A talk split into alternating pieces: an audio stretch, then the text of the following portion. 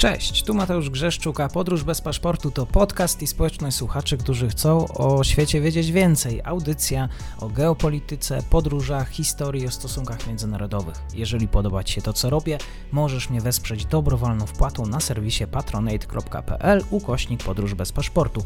Serdecznie za to dziękuję, bo właśnie dzięki temu mam szansę rozwijać to miejsce. Obserwuj, polub i udostępniaj dalej. Zapinamy pasy, czas na kolejny odcinek podróży.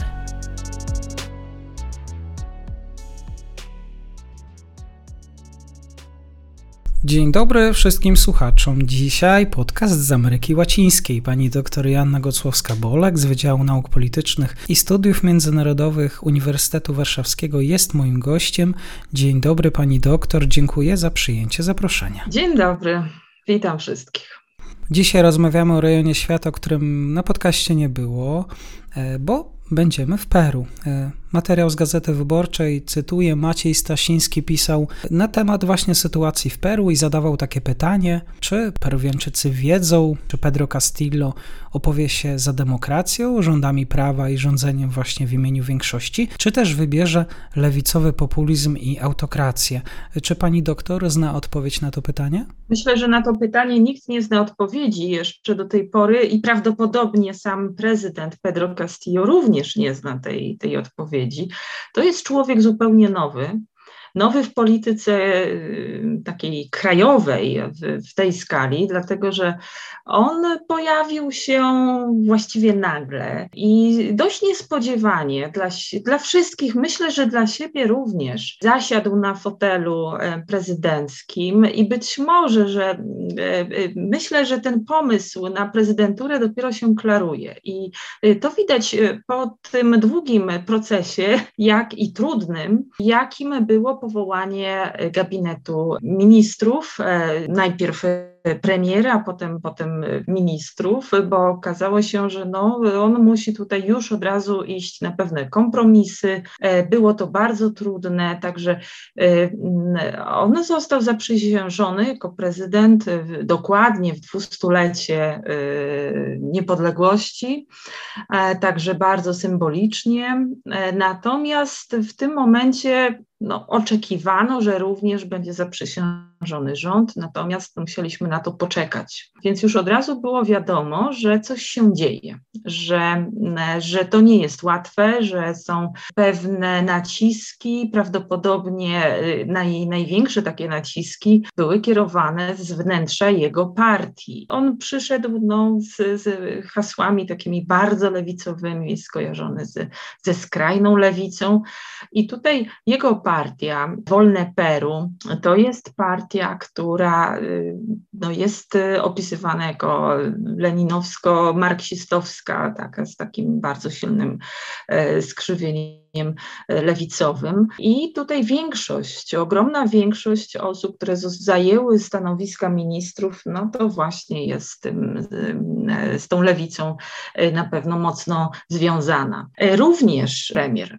również premier i powołanie premiera, no to było takie, no powiedziałabym, taka, taka pieczęć no, przedstawiona, że to jednak jest ten rząd, no, którego się spodziewaliśmy, prawda, więc tutaj nie, nie było niespodzianek, taki lewicowy, powiedzmy sobie, ekstremista Guido Beido został, został powołany na premiera. To jest człowiek, który jest fanem komunistycznej dyktatury na Kubie, e, jest również zwolennikiem, no przynajmniej tak sam siebie określał do tej pory, był zwolennikiem Chaveza, więc wenezuelskiego przywódcy, który e, no, doprowadził jednak w końcu przecież e, funkcjonującą gospodarkę do ruiny, ale też mm, tutaj nie, w żadnym momencie nie odciął się od, od terrorystów w sumie ze świata świetlistego szlaku. I to jest y, taka okoliczność, no, która sprawiła, że od razu powołanie właśnie takiej osoby na premiera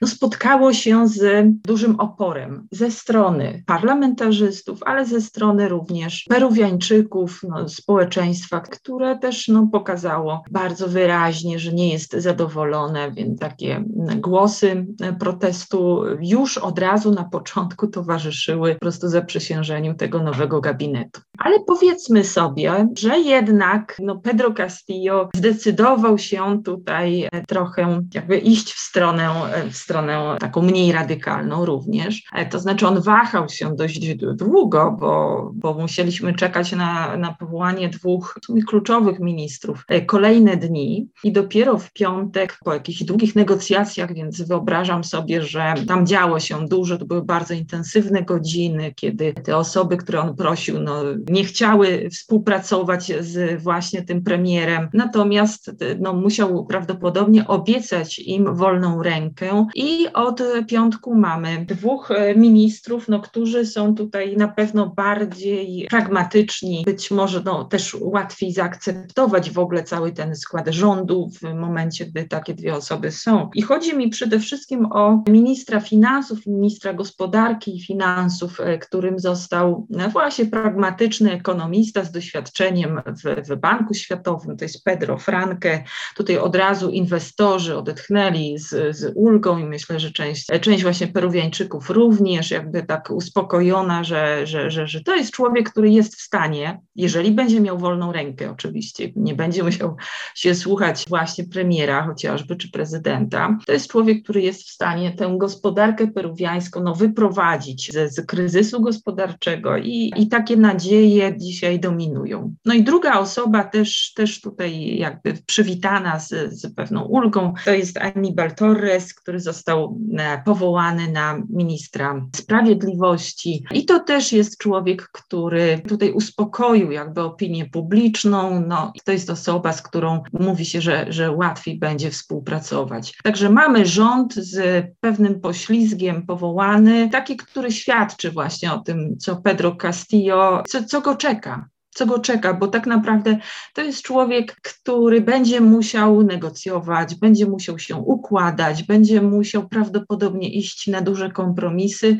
a to chociażby dlatego, że jego partia w parlamencie peruwiańskim no, zajmuje niewielki ułamek tak naprawdę miejsc, bo y, zaledwie 37 miejsc na 130 należy do partii Wolne Peru i to oznacza, że że, że tych negocjacji, tych, tych jakichś rozmów będzie bardzo dużo, prawdopodobnie już od samego początku to będą rozmowy trudne, być może również no, przy samym zatwierdzeniu rządu będą, będą jeszcze jakieś niesnaski, dopiero w następny czwartek zobaczymy, czy parlament zgodzi się na taki skład rządu. No właśnie, w trakcie kampanii wyborczej przeciwnicy Pedro Castillo starali się go przedstawić jako tego lewicowego ekstremistę. Wspominała pani również e, o tych potencjalnych powiązaniach z komunistycznymi grupami partyzanckimi. Dotyczy to świetlistego szlaku. E, z tym, że tak, z jednej strony jest to zwykły nauczyciel ze wsi, z najbiedniejszego obszaru Peru, który wykonywał swoją pracę przez 25 lat. Był co prawda przywódcą związkowym, ale w jaki sposób jego postać możemy łączyć z tymi partyzanckimi grupami? No bo akurat y, on te wszystkie zarzuty, jeżeli chodzi o ciągoty lewicowe, odrzuca. No ale jednak do tej partii należy, prawda? On w żadnym momencie nie, nie zerwał z tym wizerunkiem. To znaczy, to znaczy, e, jego partia to jest partia skrajnie lewicowa, która właśnie jest kojarzona z tym, że grupę rebeliancką e, bardzo popiera, czy no, e, w każdym razie tutaj jest, jest w ten sposób kojarzona. Premier, który został powołany, czyli, czyli ten lewicowy ekstremista Guido Beido, to jest, to jest człowiek, o którym mówi się, że on uwielbia wręcz świetlisty szlak i to są dla niego no, pewne takie wyznaczniki. Myślę, że to będzie rzutowało na to, jak będzie się rozwijać sytuacja polityczna w Peru. Natomiast e, tutaj słusznie pan redaktor zauważył, że retoryka, która no, początkowo była bardzo wyrazista w czasie kampanii wyborczej ze strony Pedro Castillo, ona w, w, w którymś momencie no, oczywiście musiała e, ustąpić e, takiemu e, przejściu do powiedzmy bardziej takich centrowych haseł, dlatego żeby po prostu przekonać do siebie więcej, więcej osób i też wydaje mi się, że Pedro Castillo tu po rozmowie z, z wieloma swoimi doradcami no, doszedł do wniosku, że jednak musi jakby zerwać z tym wizerunkiem właśnie osoby radykalnej. Także obecnie on przyjmuje taki ton uspokajający tak mhm. tak bym powiedziała. To jest bardzo, myślę, znamienne, prawda, bo nie tylko, nie tylko on no, po wygranych wyborach właśnie stara się uspokoić, stara się pogodzić, no bo Peru jest podzielone. Peru mhm. jest bardzo podzielone. Oczywiście moglibyśmy się dzisiaj zastanawiać i stawiać tezy, co jest lewicą, a co prawicą, e, ale sam Castillo uważa się za katolika i co ciekaw, sprzeciwia się małżeństwom tej samej płci i kwestii aborcji. Tak, to bardzo wyraźne są hasła, natomiast jakbyśmy sobie popatrzyli na to, o czym, e, o czym mówiła, na to zwracała uwagę również jego kontrkandydatka, to jest Keiko Fujimori w jej kampanii wyborczej, to ona również, e, również podobne hasła, jeśli chodzi o takie światopoglądowe, powiedzmy, kwestie głosiła. Powiedziałabym, że tutaj ta lewicowość czy prawicowość to w kontekście latynoamerykańskim trochę inaczej e, musi być rozumiana niż, niż my to może w Europie jesteśmy przyzwyczajeni rozpatrywać. Natomiast tutaj ważną, ważną kwestią, która myślę, że nurtuje Peruwiańczyków e, bardzo, w bardzo istotny sposób, no to jest podejście do gospodarki, bo to jest coś, co rzeczywiście już od samego początku odróżniało Castillo od od, od innych kandydatów, których było dużo, ale też od tej głównej kontrkandydatki, z którą musiał zmierzyć się w drugiej, w drugiej turze. To znaczy, początkowo Castillo wręcz y, mówił o tym, żeby dobrym pomysłem było przejęcie po prostu koncernów międzynarodowych, nacjonalizacja, a to było takie hasło, no, które oczywiście było podchwycone przez jego przeciwników, ale też no, wprawiło w popłoch wręcz inwestorów zagranicznych i, i w ogóle cały biznes E, peruwiański. Natomiast dzisiaj już Castillo mówi wyraźnie, że on będzie szanował własność prywatną, że państwo nie będzie zabierać e, siłą, nikogo wywłaszczać. Natomiast też obiecuje, że będzie walczył z, z monopolami w różnych e, gałęziach gospodarki. Będzie podnosił podatki dla firm, zwłaszcza dla tych dużych koncernów, które na sektorze wydobywczym no, bardzo silnie działają. To jest główna gałąź gospodarki, to znaczy wydobycie e, miedzi, oczywiście też srebra, złota, litu i tak dalej. Wiele firm tutaj działa i ich, jakby dla nich ta kwestia, czy, czy może dojść do jakiejś formy upaństwowienia ich koncernów, czy, czy, czy to są tylko takie czcze hasła, które na potrzeby jakieś populistyczne były szerzone w czasie kampanii, no to to jest jakby główna, główna w ogóle sprawa. Także dzisiaj, dzisiaj Castillo wycofuje się z tych e, wypowiedzi i powołanie właśnie Pedro Franque na, na stanowisko ministra gospodarki jakby idzie w tym kierunku, czyli ma uspokoić inwestorów, ma powiedzieć, no dobrze, więc jednak zajmiemy się bardzo porządnie gospodarką, Peru ma rosnąć gospodarczo i tu dopiero będziemy mm, zastanawiać się, co z tą nadwyżką jakby zrobić, która już będzie wygospodarowana. Natomiast Castillo ma bardzo wyraźny pomysł, na co chce wydać te, te pieniądze, więc przede Przede wszystkim tutaj już pan redaktor wspomniał, że to jest nauczyciel, a więc dodatkowe środki na edukację, na ochronę zdrowia. Obiecuje, obiecuje, że dotrze właśnie z tymi zwiększonymi zasobami do, do, do, do biedniejszej części Peru, do tych Peruwiańczyków, którzy dotąd, y, dotąd jakby nie skorzystali na tym, że Peru pod względem gospodarczym no, rozwijało się dość, dość stabilnie. Takim hasłem wyborczym myślę, że, że bardzo ważne jest dla zrozumienia w ogóle sytuacji w Peru, to jest, to jest właśnie uświadomienie sobie, o czym, o czym Castillo mówił, dlaczego on dotarł do tych ludzi. Bo on mówił, nigdy więcej biednych ludzi w bogatym kraju, prawda? Więc tak, tak. Jakby tu e, bardzo wyraźnie wskazuje, że Peru ma ten potencjał i, i on widzi ten potencjał, e, natomiast wykorzystany dotąd był ten potencjał gospodarczy, no nie tak, jak sobie by życzyła większość większość, e, większość Peruwiańczyków, no co pokazywały te e, głosy oddane na Castillo. To znaczy do tej pory no, w dużej części z tego szybkiego wzrostu gospodarki Peru korzystała bogatsza część społeczeństwa, natomiast no, Castillo gdzieś tam działając wśród, w, w związkach zawodowych, wśród osób podobnych sobie, o podobnych problemach, gdzieś w, właśnie na terenach wiejskich, rozmawiając z biednymi najbiedniejszą częścią społeczeństwa, on widział, że ten wzrost gospodarczy, o którym się tyle mówi, tak, e, że, że, że to wszystko dobrego, co się, co się dzieje, to gdzieś tam zostaje w dużych miastach, natomiast do tych e, biednych zakątków nie dociera. E, wspomniała Pani, że jego hasłem było nigdy więcej biednych ludzi w bogatym kraju. On też powiedział, że wie, co to znaczy zamiatać szkołę, a samego jego widywano w tradycyjnym tym białym kapeluszu z szerokim rondem, co miał podkreślać fakt, że jestem człowiekiem ludu. Chciałbym zapytać o kwestię konstytucji teraz. Czy Peruwieńczycy chcą iść za śladem Chilijczyków, e, bo ostatni dokument był uchwalony przez poprzedniego prezydenta japońskiego pochodzenia, Alberto Fujimoriego. Nie wiem, czy dobrze powiedziałem, proszę o poprawkę. Zaraz poprawię. Na, na, na, na wzór e, e, hiszpański, prawda, bo nam się kojarzy Fujimori, ta wymowa taka bardziej japońska, to jest Fujimori, powiedzmy, że tak jest nazywane. A dziękuję w takim razie. Stąd pytanie, ta ostatnia konstytucja była uchwalona chyba w 1993 roku. Tutaj akurat jedną z głównych obietnic ówczesnego prezydenta jest to, żeby ten dokument, cytuję, has the color, smell, a flavor of the people.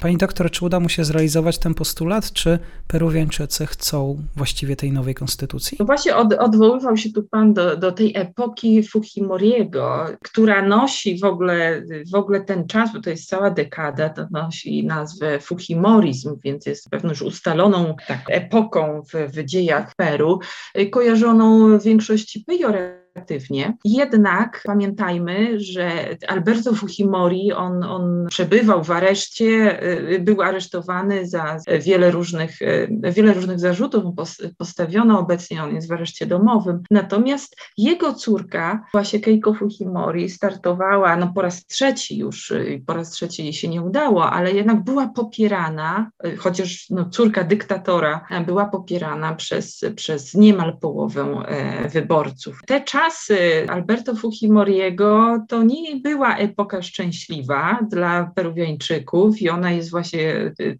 określana jako okres dyktatury, jako okres właśnie takich rządów populistycznych, autokratycznych. I z, tamtej, z tamtego czasu też pochodzi właśnie konstytucja. Natomiast w tej konstytucji, y, jeszcze wciąż obowiązującej, są zapisy faworyzujące gospodarkę rynkową. I te zapisy chciałby Pedro Castillo, no między innymi oczywiście po poza, poza unowocześnieniem, o jakby uwzględnieniem wielu różnych bardziej aktualnych y, okoliczności, ale właśnie te zapisy faworyzujące gospodarkę rynkową chciałby Pedro Castillo między innymi zmienić. Także jednym z jego postulatów, takim planem, co do którego on jest przekonany, że to jest absolutnie potrzebne, konieczne i że to jest droga we właściwym kierunku, to jest powołanie konstytuanty, więc osób, które miałyby nowo wybranych osób, prawda, więc nie, nie, nie parlamentu, który, takiego, takiego, takiej instytucji, takiego ciała, które miałoby najpierw wypracować, a potem, e, potem no, zaproponować nowy tekst konstytucji, na który poddany byłby głosowaniu. Natomiast czy się to mu uda? Ja tutaj mam spore wątpliwości, to znaczy zależy, co w tej nowej konstytucji miałoby być, jak on będzie to przedstawiał. Ma sporo przeciwników co do tego, natomiast y, być może, że większość jednak Peruwiańczyków czuje, że ta konstytucja no, sprzed lat, przed, sprzed ponad ćwierć wieku, tak, i, i pisana w zupełnie innych okolicznościach, no ona nie przystaje do tego, co dzisiaj się, e, się dzieje, że potrzebujemy nowego dokumentu, ale czy akurat ten prezydent jest osobą adekwatną jakby do tego, e, do tych ich postulatów i potrzeb? No tutaj, tutaj mam, mam wątpliwości, czy mu się to uda. Tym bardziej, że on, tak jak już powiedzieliśmy, e, poparcie ma w parlamencie nieduże i będzie musiał się układać, będzie musiał negocjować i być może, że nawet w najbliższych już czasach, bo tak to, tak to można też, e, tego można oczekiwać, że w najbliższych tygodniach, miesiącach on już będzie miał problemy e, co do tego, żeby przekonać do swoich pomysłów właśnie parlamentarzystów. No a co za tym idzie? No też powołanie jakiegoś nowego zgromadzenia, które miałoby konstytucję pisać, a potem przyjęcie tej konstytucji. Czy Pedro Castillo sobie z tym poradzi? No dzisiaj możemy tylko tutaj spekulować, natomiast pamiętajmy, że to jest właśnie osoba bez doświadczenia politycznego zupełnie, to jest osoba nowa w polityce, co ma plusy i ma minusy, prawda? No plus taki, że nie jest kojarzony z żadną skompromitowaną partią polityczną i tu y, po raz kolejny tak naprawdę Peruwieńczycy y, powiedzieli y, dosyć, powiedzieli basta tym wszystkim skompromitowanym właśnie politykom, którzy, którzy by, byli od lat i kojarzeni są z tą korupcją, z związaniem no, z różnymi, różnymi tam gospodarczymi też aferami, bo tych, tych było sporo, chociażby skandal Odebrecht, taki, który wyrastał no, z brazylijskiej rzeczywistości, no ale zmiótł z, ze sceny politycznej też, też paru na, głównych polityków peruwiańskich. Więc to wszystko zdenerwowało Peruwiańczyków i, i dlatego myślę powiedzieli, że już nie chcą, nie chcą tych tradycyjnych partii, nie chcą tych tradycyjnych osób, które od lat widziały w, w polityce i dlatego też Keiko Fujimori nie mogła wygrać tych, tych wyborów. Castillo to jest osoba nowa, to jest osoba niekojarzona z, właśnie z tą korupcją, z tym zepsuciem, z tym praniem pieniędzy, z tymi powiązaniami takimi, e, których Peruwieńczycy mają już dosyć. Natomiast czy on sobie w tej rzeczywistości poradzi i, i rzeczywiście te ideały, które pewnie tam mu przyświecają autentycznie a, i, i z którymi chciałby tę nową konstytucję pisać, czy one, czy uda się je zrealizować, no czas pokaże. Ja tutaj pozostaję sceptyczna, chociaż jak najbardziej Peruwieńczykom, samemu Peru życzę wszystkiego dobrego. Też gospodarczo, bo Peru od początku tego stulecia to była taka gospodarka bardzo prężnie się rozwijająca i tam tych zawirowań politycznych była cała masa. Natomiast mówiło się, że, że to są takie Włochy Ameryki Łacińskiej, czyli polityka prawda, skomplikowana i, i kryzys za kryzysem w polityce, natomiast no, gospodarka gospodarka e, prężnie do przodu. Natomiast no, obecnie już przed pandemią koronawirusa w gospodarce mamy kryzys e, i, i chociaż wciąż e, mówi się o Peru, że to jest ten tygrys latynoamerykański albo bardziej obrazowo, że to jest puma latynoamerykańska, jeśli chodzi o gospodarkę. Natomiast ona potrzebuje dzisiaj bardzo zdecydowanie no, jakiegoś nowego impulsu, ale też, też inwestycji, więc odstraszenie inwestorów zagranicznych byłoby bardzo niekorzystnym ruchem.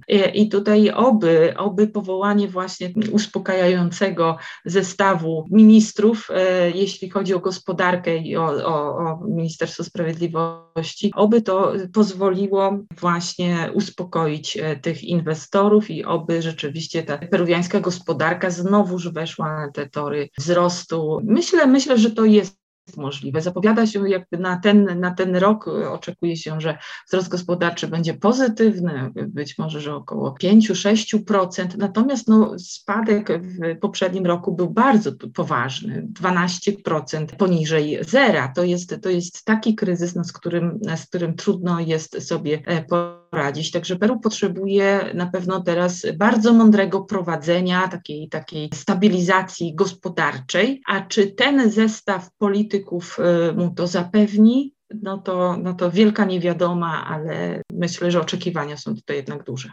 No tak, Pedro Castillo realizuje ten ukraiński scenariusz z, serialu Sługa Narodu. Tam również nauczyciel przypadkiem został prezydentem, prezydenta, którego grał Władimir Zeleński. E, dużo niewiadomych stoi przed Peruwianczykami, nie wiadomo co przyniesie ten biały kapelusz. E, o tym wszystkim opowiadała pani doktor Joanna Gocłowska-Bolek, Uniwersytet Warszawski. Bardzo dziękuję. Dziękuję. Dziękuję wszystkim.